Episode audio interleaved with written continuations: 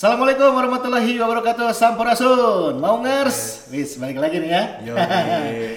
Ini adalah episode ke-7 Wus. Si Di Memang Podcast episode ketujuh ini kita mewah sekali ya. Oh iya dong Set baru. Setnya baru Ya kan? Equipmentnya baru Luar ya kan? biasa. Kita tunggu juga sponsor-sponsor untuk ada di episode selanjutnya. Betul ya apa kabar Mau ngers setelah kemarin eh, menyaksikan dua laga eksibisi di Malaysia bagaimana?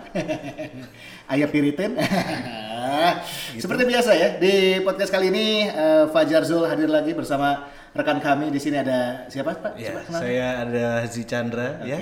Siap menemani buat maunger semua. Dan juga ada dua pandit kita. Oh iya dong. Luar biasa. Ini masing-masing adalah admin si orang dalam jadi video FC ya. Kita datangkan kembali. Kita jual percaya. Apa kabar? Ada Kang Yoga dan juga Coach Ripan. Baik, Halo. Assalamualaikum. Halo, Waalaikumsalam. saya Ripan. Kumaha, kumaha, kumaha, kumaha. Ini kita berbicara soal perekrutan mungkin ya yang dalam beberapa eh, pekan terakhir ini santer sekali dibahas ya, mulai dari media cetak, media elektronik, eh, online dan segala macam mengenai eh, Don 1 2 3 yang katanya tidak mengejutkan.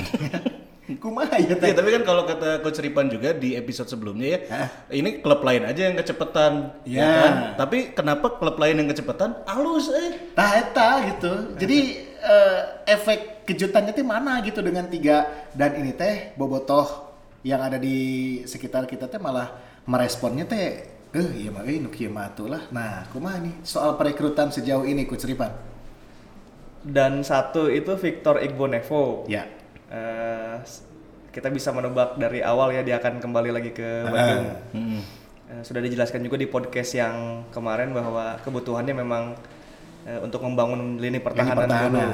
Untuk oke. itu, eh, untuk itu Victor Igbonevo kita anggap lumayan lah. gitu. Oke lah, Walaupun ya, ya. belum belum main juga ya kemarin di Asia Challenge Cup. Dan dua Benny Okto. Beni Okto. Benny Okto kemarin sudah mencetak satu gol Satu gol. di Malaysia.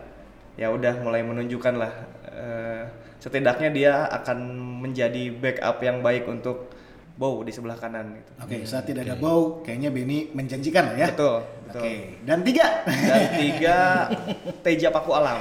Oke, ini sebelumnya ada statement katanya Ya, eh, tidak akan menambah kiper. cukup, sudah cukup ini stok kiper yang ada ada eh, Dede Nasir meskipun masih recovery, terus juga ada eh, Made ya kan sebagai senior gitu kan dibutuhkan perannya. Ada dua penjaga gawang muda ya, ada Dika Bayangkara sama Akil. Tiba-tiba Mas Tejo ini datang. Ini gimana ceritanya ini? Kalau itu memang trennya di 2019 dan 2020 kan lagi zaman prank ya. Jadi itu salah satu prank. Iya. Salah satu prank. Halus ya. Halus. Berarti PT PBB ini terinspirasi dari Atta Halilintar.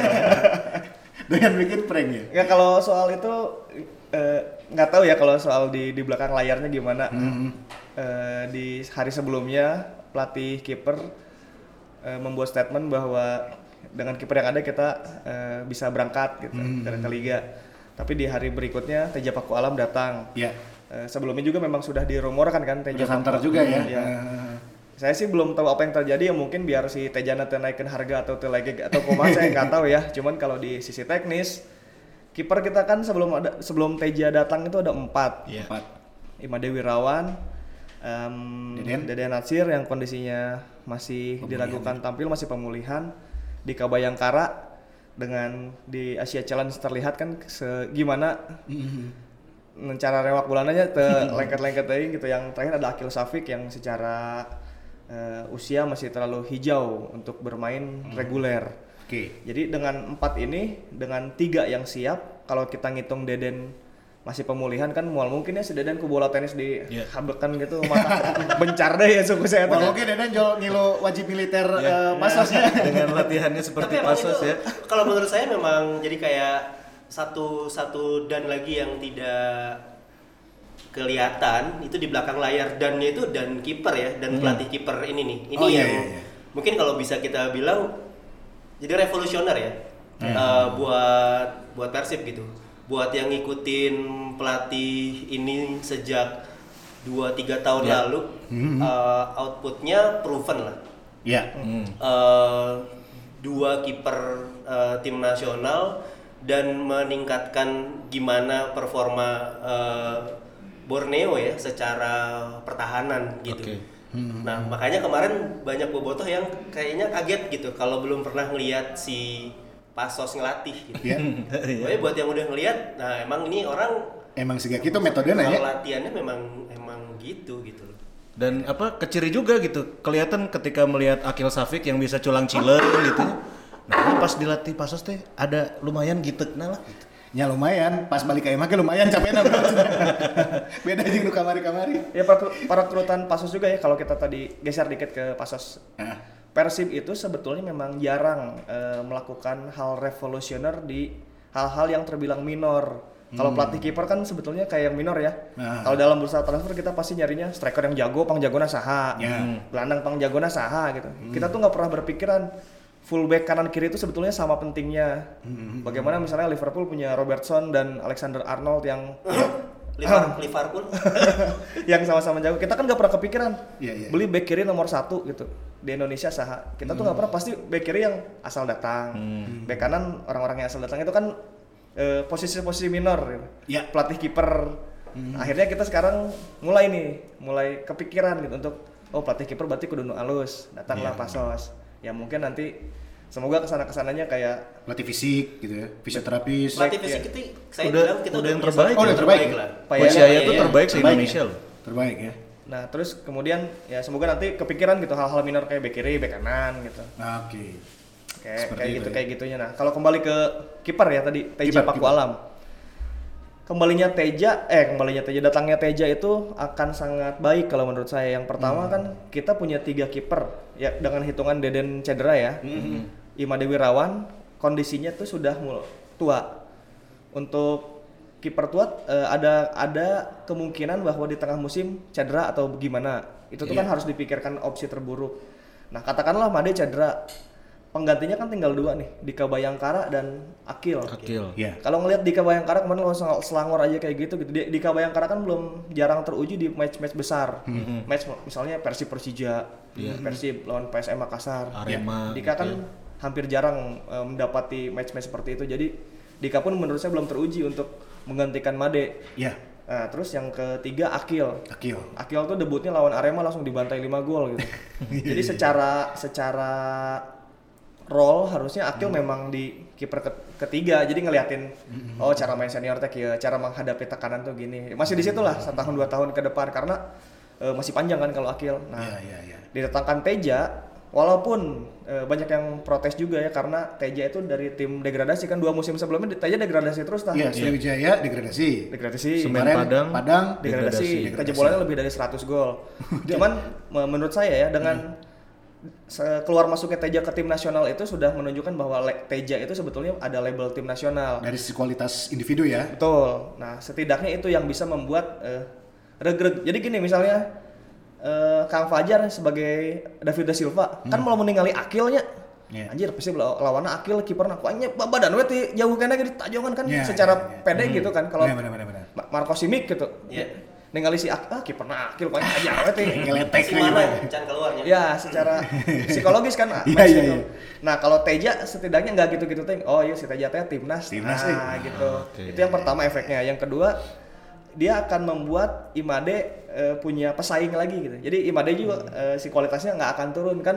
Kalau Imade nggak punya deputi yang mumpuni juga dia bakal aing latihan latihan kayak bakal Aing per- bakal dipasang terus. dipasang, dipasang terus karena cadangan aing biasa-biasa gitu. Nah, dengan adanya Teja setidaknya mereka akan bersaing nih si Internal ini. juga lebih kompetitif akhirnya Betul. persaingannya ya. Kalau kiper ketiga kan memang role-nya kiper ketiga tuh sebetulnya eh, peluang main di kompetisinya di paling di kayak di Piala Indonesia, Indonesia, ya. kayak gitu. Nah, jadi kedatangan Teja menurut saya masih berfungsi dengan baik kalau secara fungsi. Ada ada positifnya berarti dengan hadirnya Ada sangat Teja. sangat ya. Karena berarti ini timnas. untuk eh, kuota kiper kan total udah ada lima, Lima, berarti. ya. Nah, kabar yang berhembus teh dua ini akan dipinjamkan. Itu bagaimana? Sebenarnya eh, kalau menurut saya sih peminjamannya nggak ada masalah ya. Eh, karena tetap tujuannya adalah jam terbang dulu nih buat mereka. Selama ternyata kemarin kan memang akhirnya dijamin bahwa mereka tetap latihannya dipegang oleh Pasos. Oh, Sebenarnya sih kalau buat saya kuncinya itu gitu. Kenapa? Karena kalau hanya sekedar jam terbang tapi kemudian tekniknya nggak dibenahi juga, ya PR gitu loh. Karena balik lagi uh, butuh orang yang bisa mengevaluasi lebih dari sekedar mana kebobolan eh gitu. Aneh tuh bisa newak eh mana tuh bisa nangkep crossing eh gitu misalnya. Tapi nggak ada orang yang bisa mengevaluasi untuk oh pas crossing gini loh eh, pas shot stopping tuh gini loh. Iya. nah itu yang kita harapkan terjadi. Jadi walaupun eh, dua kiper kita disekolahkan dulu di liga yang levelnya masih di bawah Liga 1 jam terbang dapat dan tadi pelatihan harusnya tetap dapat gitu Nah, itu. Berarti si Pasos halus ya ngelatih dua klub. Nah, jangan bilang-bilang. jangan bilang-bilang. Nanti kamu ngelatih Persib ya gitu. Dia tetap Oke. Persib gitu. Ya, itu dari dari dari sisi kiper ya. Dari sisi kiper. Dari sisi kiper. Kita beralih ke eh, lini belakang kemarin tuh ya Belakang. dengan tidak hadirnya Victor Igbonevo dan juga tentunya kenapa Persib merekrut Victor Igbonevo saya semakin yakin bahwa memang butuh karena Fabiano eh, ternyata ketika di pertandingan pertama berduet sama Indra Mustafa belum padu gitu menurut teman-teman gimana tuh Untuk Fabiano ya tentulah dia satu Satu musim. satu tahun nggak Satu musim main, nggak- ah, ada di pertandingan yang ini ya, Iya di resmi. kompetisi yang dengan tensi yang beneran gitu. Pas kamari Langsung datang lawan Selangor tuan rumah gitu ya. ya mungkin juga Selangor dari sisi kesiapan mereka jauh banget. Ya dia mereka Siap. udah siap 80% udah, udah timnya udah 80%. Ya, balik lagi juga kalau tadi kita lihat ekspektasi ketika kita mau ikutan di eh, Asian Challenge ini itu eh, jam terbang bahasanya kan itu dulu sebenarnya eh, statement baik dari manajemen maupun dari pelatih sendiri gitu ya. Nah, termasuk juga pasti di sini jam terbang buat Fabiano juga. Karena tadi absen pasti ngaruh banget. Yang kedua itu bukan hanya gerak gitu, tapi juga masalah mentalitas yang juga kena gitu. Terus kemudian di uji coba kemarin eh, dipasangkannya atau dipadu padankannya dengan semuanya junior gitu. Di tengah dia sama junior di belakang dia juga junior. Kayak tadi Ripan bilang gitu. Eh ada deg-degan juga gitu ada beberapa kali salah gerak dalam dalam yang pertama tapi kalau kita boleh lihat nanti mungkin kalau kita ngebahas pas pertandingan nih ya ke depannya kita ke, ke depan dalam arti di tengah ya. Di tengah tuh di pertandingan pertama memang kita nggak punya orang yang melapis sebelum Fabiano. Gitu. jadi Fabiano Indra Indra itu bingung posisinya jadi Fabiano di belakang atau eh, si Fabiano duluan Indra kalem gitu. Dipotong dulu sama Fabiano baru ke Indra gitu. Nah ini dua-duanya dalam posisi bingung. Di depannya nggak ada siapa-siapa. Yang posisinya untuk mungkin kalau kemarin kita agak nostalgia eh, kayak Haryono gitu ya.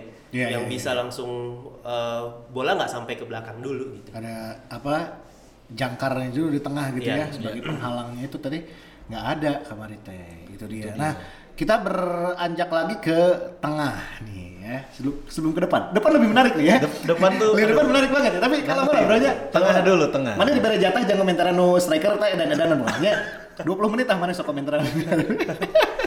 Jadi tengah eh, kalau ngelihat match kemarin lawan eh, Selangor dan juga lawan Hanoi.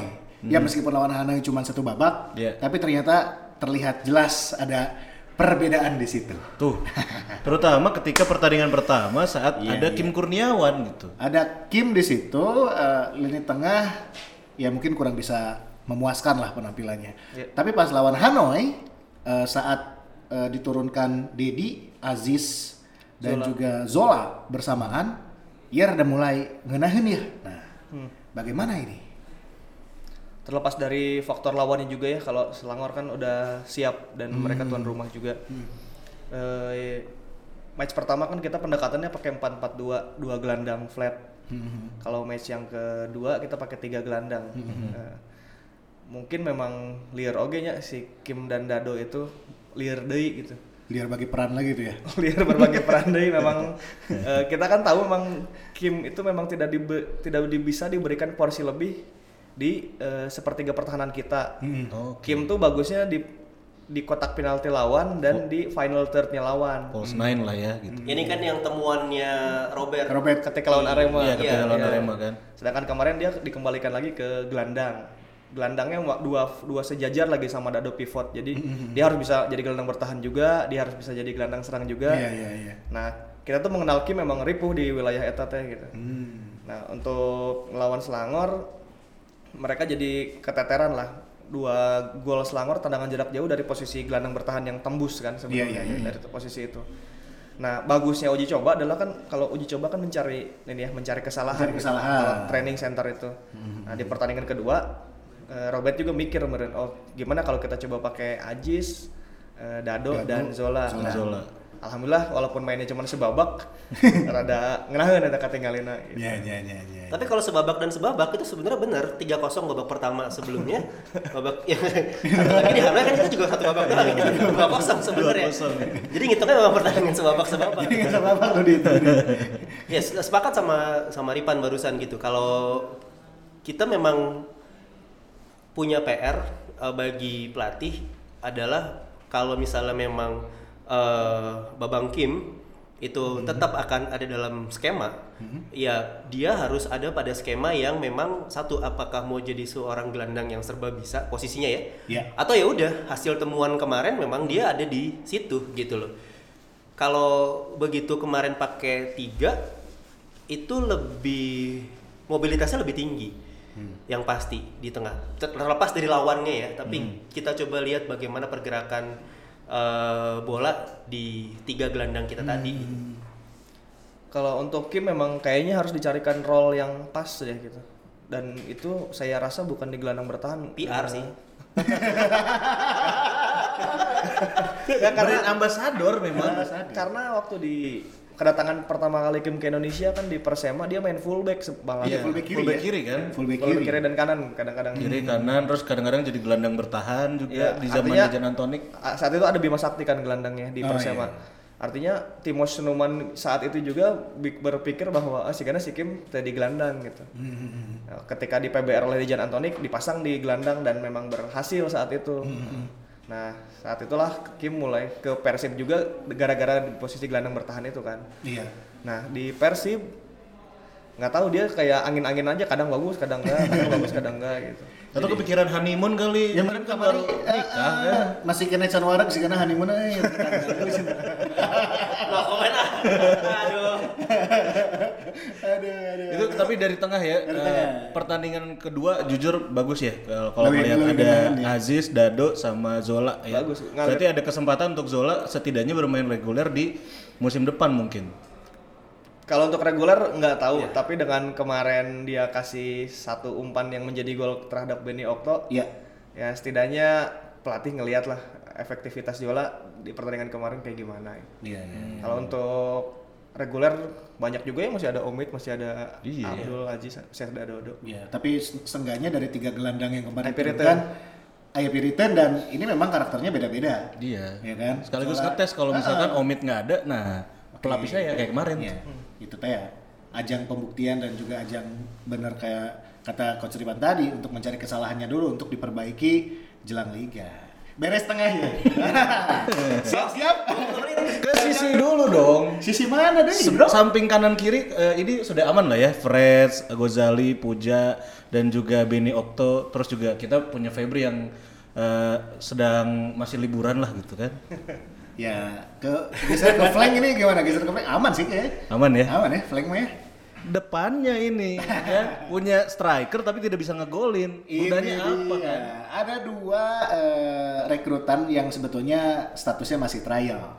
Ada eh, Wander Luis, ya kan, dan Vinicius. Vinicius. Itu kan aing teh Vinicius Madrid. Ternyata lain. Iya. Viniciusnya jakung badan, Bro. Ya, Ya kan. aduh, Dino, Gi- Dino Gitek nage, waduh, meyakinkan, Iya, ya kan? Eh, Tino Dedegan mah mirip-mirip Eze sebenarnya, ya. Dedegan nama gitu. Ketemu back lawan, ah, iya mah. Bagaimana ini de- dengan dua rekrutan trial? First impressionnya aja. Kadang kan orang suka melihatnya gitu ya. Kesan pertamanya dulu nih. Lamun awalnya guys, duh, kertegna ya lumayan ya sih Gana. Tapi kemarin masa, kumanya? Kalau postur sih ya oke ya sebenarnya gitu. Tapi begitu tersentuh bola itu memang jujur sentuhan pertamanya Benny Okto lebih Lebih menjanjikan ya. menjanjikan gitu. lebih berkesan gitu ya. Iya. Eh, di game pertama lebih banyak kebingungan mereka berdua. Saya nggak tahu apakah eh, briefnya kurang jelas ya. Maksudnya ini kan 4-4-2 ya. Eh, eh, apakah memang mereka dua dua sejajar di depan Iya. Atau seperti apa gitu? Karena akhirnya jarak antar mereka berdua terlalu dekat. Itu yang pertama. Yang kedua, tidak ada pola-pola di mana ketika dia punya tubuh sebesar itu, eh, Eze memanfaatkan untuk membuka ruang atau Ya. memantul gitu. Ya, ya, ya. Jadi kalau kalau kita lihat kriteria yang kita butuhkan tidak tidak terlihat sebenarnya di di sana gitu ya. Bahkan kalau menurut saya kalau ini adalah ajang uji coba ketika sampai di titik di mana pun di daerah deket kotak penalti, coba ya gitu, Ya, ya kan? ya, ya. Kan ajang unjuk gigi gitu. Iya. Iya, Jadi nggak nggak nggak lihat juga karena mungkin bisa jadi yang dinilai adalah ya tadi bagaimana keputusan dia oh deadlock di tengah Ya. saya tidak dapat bola dari saya tidak dapat pasokan dari tengah tidak dapat pasokan dari kiri kanan. Antara saya turun cari sendiri atau saya ambil Hajar sendiri. eksekusi eksekusi gitu. Nah keputusan-keputusan itu yang mungkin harusnya kalau kita kalau kita mau fair melihatnya di situ. Yang tidak tidak tidak tercipta akhirnya gitu kan. Iya, iya. jadi kalau mau langsung lihat wah aksi pemain iya iya iya nah itu pasti akan butuh waktu gitu ya kan. Tapi kan balik balik, balik lagi kalau saya ekspektasinya kemarin ngelihat mereka berdua teh pengen tahu gimana mereka ngebuka ruang gimana mereka coba mengeksekusi oh ini dia tadi deadlock gitu Ya. kudu ngapain gitu Ya. Namun mana main FM tuh nya aya satu dari skill itu decision. ya kan? Ya kan dia kan ada decision. Iya. Nah, si eta eh 12 decision. Ya harusnya kan sekelas Persib gitu ya, selevel Persib ketika kita mungkin sudah pasti tidak menggunakan jasa Ezekiel di musim depan, nyari striker tuh tidak harus yang eh, pakai eh, cara-cara tadi seleksi gitu. Cari yang udah pasti aja gitu. Ataupun kalau seleksi ya nggak butuh waktu lama gitu. Orang kita paham sih masih seleksi kayaknya ba- batur kan semarili Alex Santos gitu. Iya, Bener mah geus langsung sign kontrak, sign Iya, kontrak masih gitu. di ya. audisi sehingga pensi ya. Audisi. Benar audisi. Tapi iya ini menarik adalah bahwa ada statement juga mereka diberi kesempatan. Nah, Iya, seleksi, Seleksi bahasanya seleksi. Iya. Tapi kan ngapain gitu? Ini tuh Persib gitu kan, bukan Blitar Bandung United bro. Harus seleksi segala gitu kan. Udah we datengin siapa gitu, ngon ajam gitu kan. ya kan? Ajam. Kabir Pelo. eh. Nggak sesuai bami di lebob manual, bro. halus bro, eta bro asli. Jadi kalau di podcast kemarin kan saya juga ada formula tim juara ya, Nah, tim juara striker kudu canggih, second striker kudu canggih. Bener. Iya, oh canggih canggih. Canggih nanti mak eh, singkatan, can kapanggih. Canggih, can kapanggih. Walaupun memang tidak bisa menilai cuma dari dua pertandingan gitu Iya. ya. Cuman nah katingali lah di dua pertandingan kayak numputut numputut kan kumaha eta katanya. Saya jadi kayak ngelihat ini zaman dulu ada Koh Traore. Koh Traore. Nah, sih gitu bisa eta Koh datang, bobolan dagan teh pugu, udah jadi coret. Ya. tapi lumayan kebagian ke Malaysia ya. Lumayan, lumayan. Jarang-jarang loh Persib ke, ke Malaysia kan, dan mereka kebagian gitu. Kebagian. Yang lumayan oke sih, yang si Wander jeung Vinicius teh bro, nambah followers. Ya, ya, ya. followers, kita bisa jadi pepeng ya. Kalau buat saya sih balik lagi ke ekspektasi ya. Eh, kita melihat bahwa waktu yang kita punya nggak panjang gitu sebenarnya.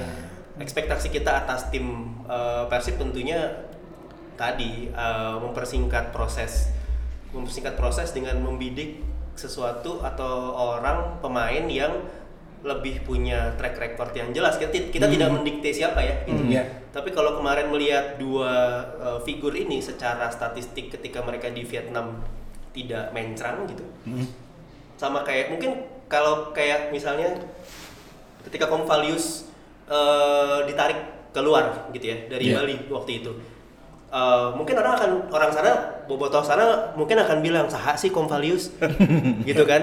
Uh, pun akhirnya ketika dia bermain juga tidak seperti ketika dia main di Indonesia, tapi ketika dia datang itu datanya sudah bilang bahwa 40 gol. Catatannya ini- ya? Catatannya udah udah oke gitu. Nah, pemain yang ini ketika datang catatannya juga Aduh. catatannya bersaing sama Benny Okto gitu. Sebetulnya saya saya yakin ya di tim pelatih pasti jelema-jelema palinter lah mereka udah Hmm. hatam di Liga Indonesia ke Kumaha. Cuman kalau untuk di level bobotoh kayak saya, Iya. sederhananya gini kalau nyemu nyari penyerang gitu ya, Hmm. penyerang asing atau lokal bisa nggak dia ngelewatin Arthur Cunha gitu bisa nggak dia ngelewatin Hamka Hamzah eh tapi dibayang-bayang lah gitu Iya, iya, misalnya iya. misalnya datang nih ke kita David da Silva gitu Iya. persebaya gitu ya musim lalu bisa tanya ngelewatin David eh, Hamka Hamzah oh bisa Hmm. bisa nggak ya dia duel di hantamanku si Riberio Persipura oh bisa nah Hmm. nu kamari bisa tanya gitu kalau Weles anjir aing mah bisa ya Ngelewatan back Vietnam oke geus kitu gitu. Kumaha ngelewatan Hamka Hamzah ya. Iya, iya. patokan iya. sederhananya kan gitu ya Patokannya kita itu akan ya. penyerang kita akan diintimidasi oleh back-back tengah lawan nu Gararalak gitu yang Jemerson nukar itulah jelema-jelema nukar itu Iya, iya. Ditambah juga- Ceco gitu Mungkin kalau ngelihat dari sisi eh, kompetisi eh, level kompetisi gitu ya, dia main di Vietnam mungkin tidak sekompetitif di kita juga merenya. Nah, Iya. itu mungkin yang jadi Mungkin. pertimbangannya kan ya. Ya tapi di makanya justru tadi di liga yang dalam tanda kutip tidak sekompetitif Vietnam aja catatannya tidak Nah, tidak gitu. kencang gitu loh. Eta, eta. Kalau kalau kita mau lihat prosesnya kan mulai dari data dulu. Data ningali performansi eta misalnya di YouTube atau rekaman yang dia punya sendiri gitu ya istilahnya. Oh, pelatih cocok gitu misalnya. Oke, mungkin dia tidak banyak uh, golnya tapi cara mainnya dia mungkin cocok. Nah, dari situ mungkin akhirnya dites dapat kesempatan buat itu gitu kan. Nah, ini kita percayakan aja proses ini sama sama mereka. Cuma kalau ngelihat impresi dari kemarin memang kita akhirnya uh, layak untuk meragukan mereka berdua gitu. Dia. Iya. Belum lagi kan katanya liga ini, Ini. agak maju nih. Ini ini kabar-kabarnya Ka- kabarnya ya. akan eh, lebih awal katanya. Nah, ini bagaimana dengan persiapan Persib sendiri?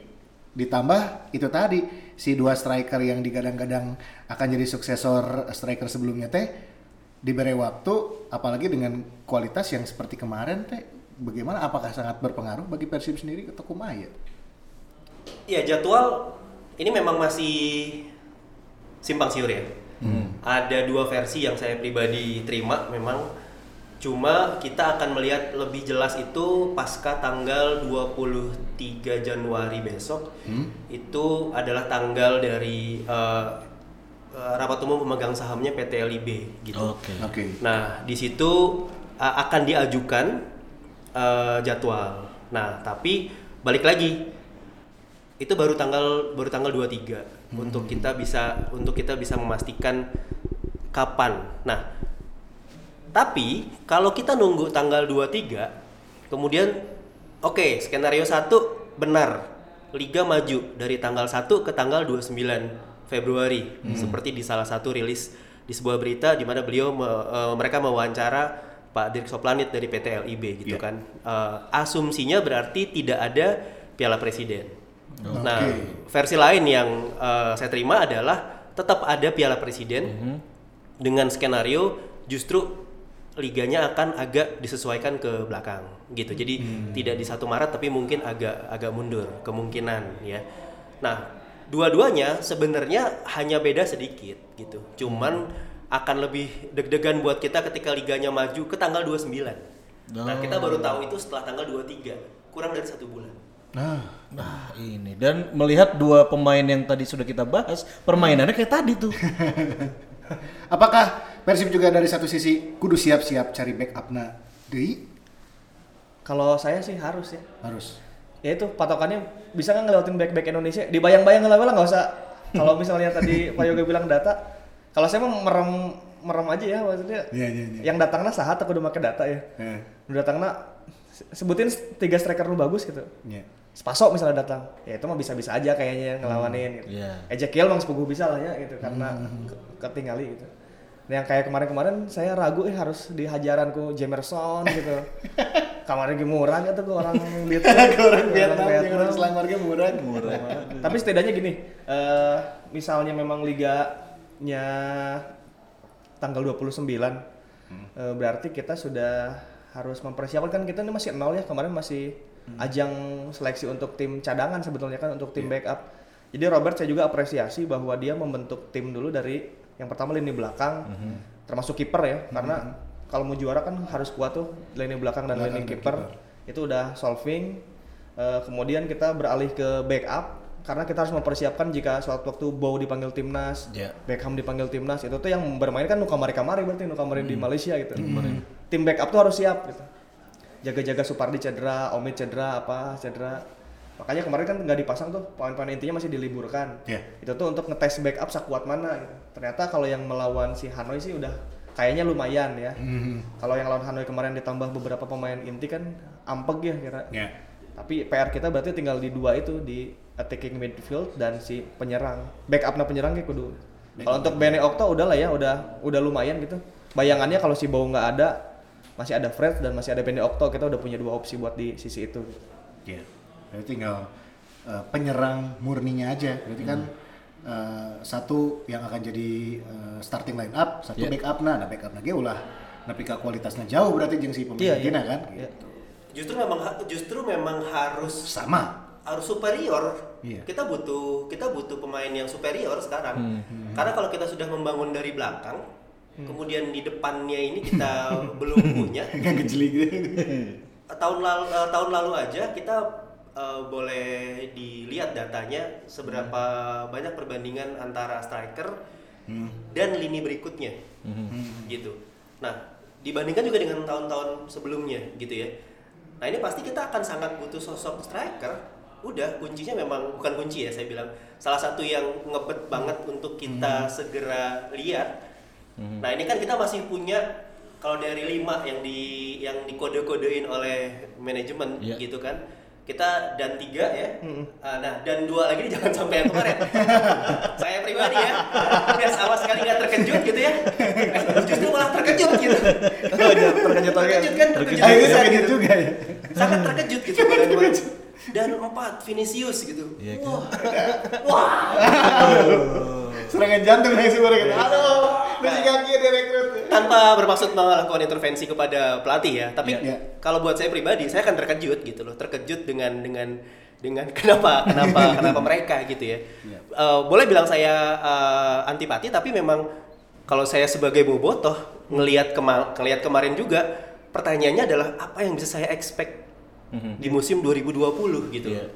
Dan isu yang berkembang juga dan bahkan kalau saya sih udah berani jamin Eze tidak akan lanjut di Persib. Tapi kan manajemen masih berusaha karena eh, katanya punya sisa satu tahun lagi kontrak di Persib. Sedangkan Eze-nya juga sudah melayangkan surat pengunduran diri. Berarti memang sudah tidak ha- ada harapan lagi kan untuk Eze ada di tim Persib musim depan?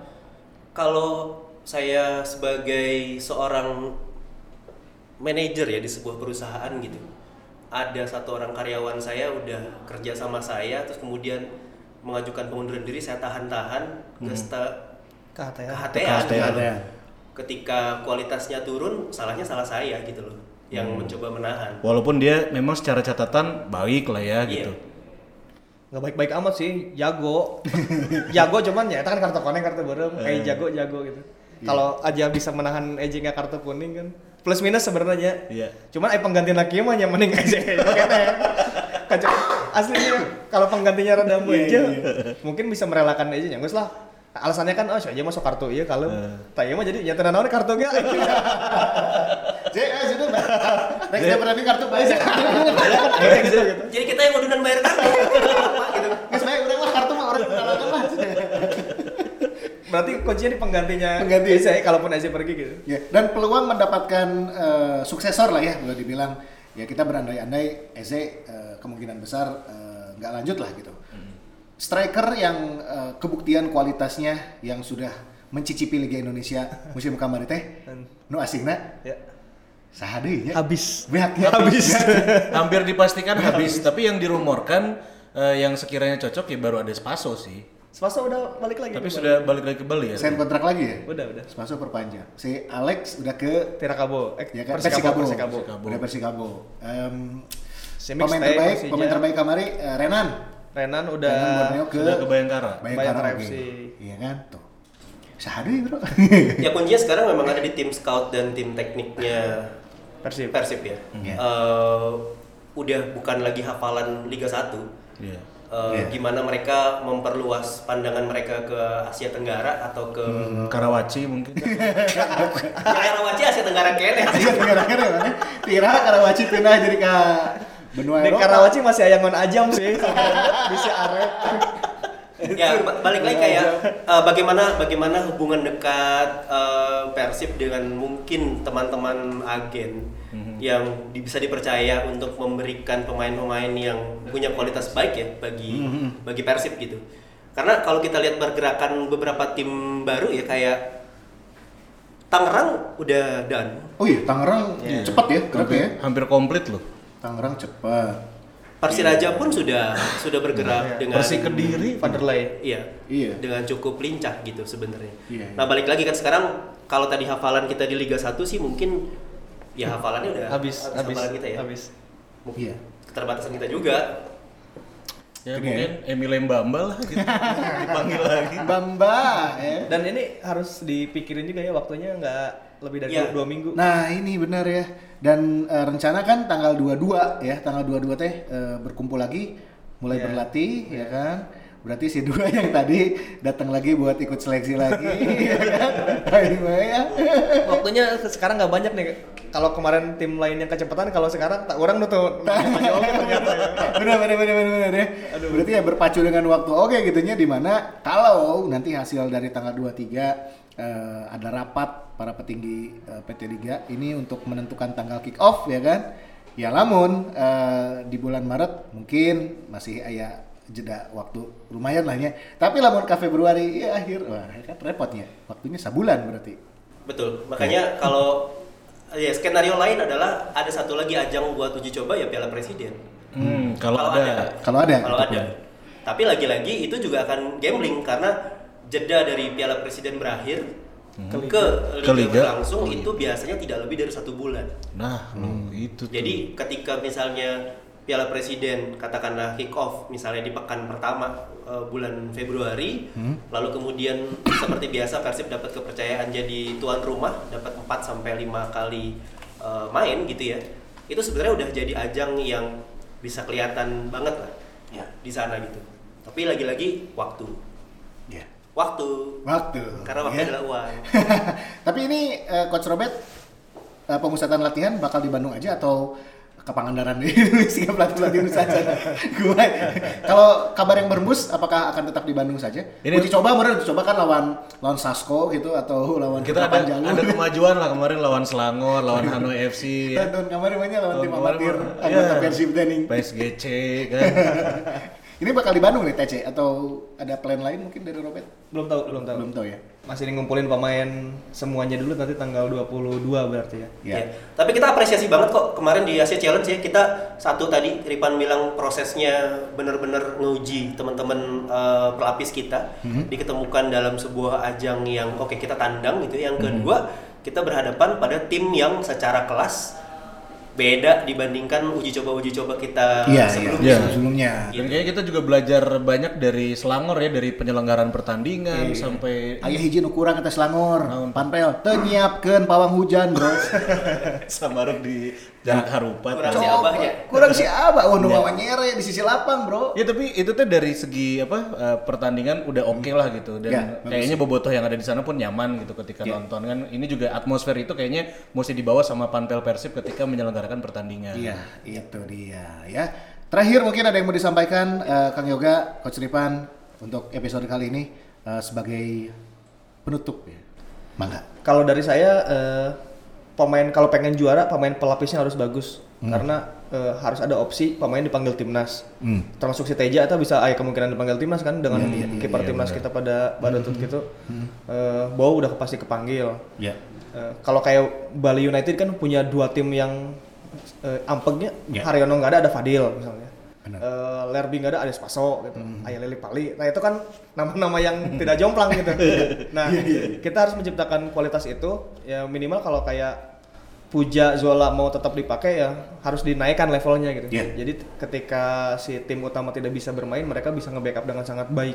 Kalau dari saya seperti itu eh, pelapis dengan dikirim ke Asia Challenge udah oke. Eh, berarti tinggal nyari pemain depan yang asing dua itu yang harus bener. Sisanya mah insya Allah aman sih. Itu dia. Itu dia. Kang Yoga. Kalau saya posisinya masih wait and see tanggal 23.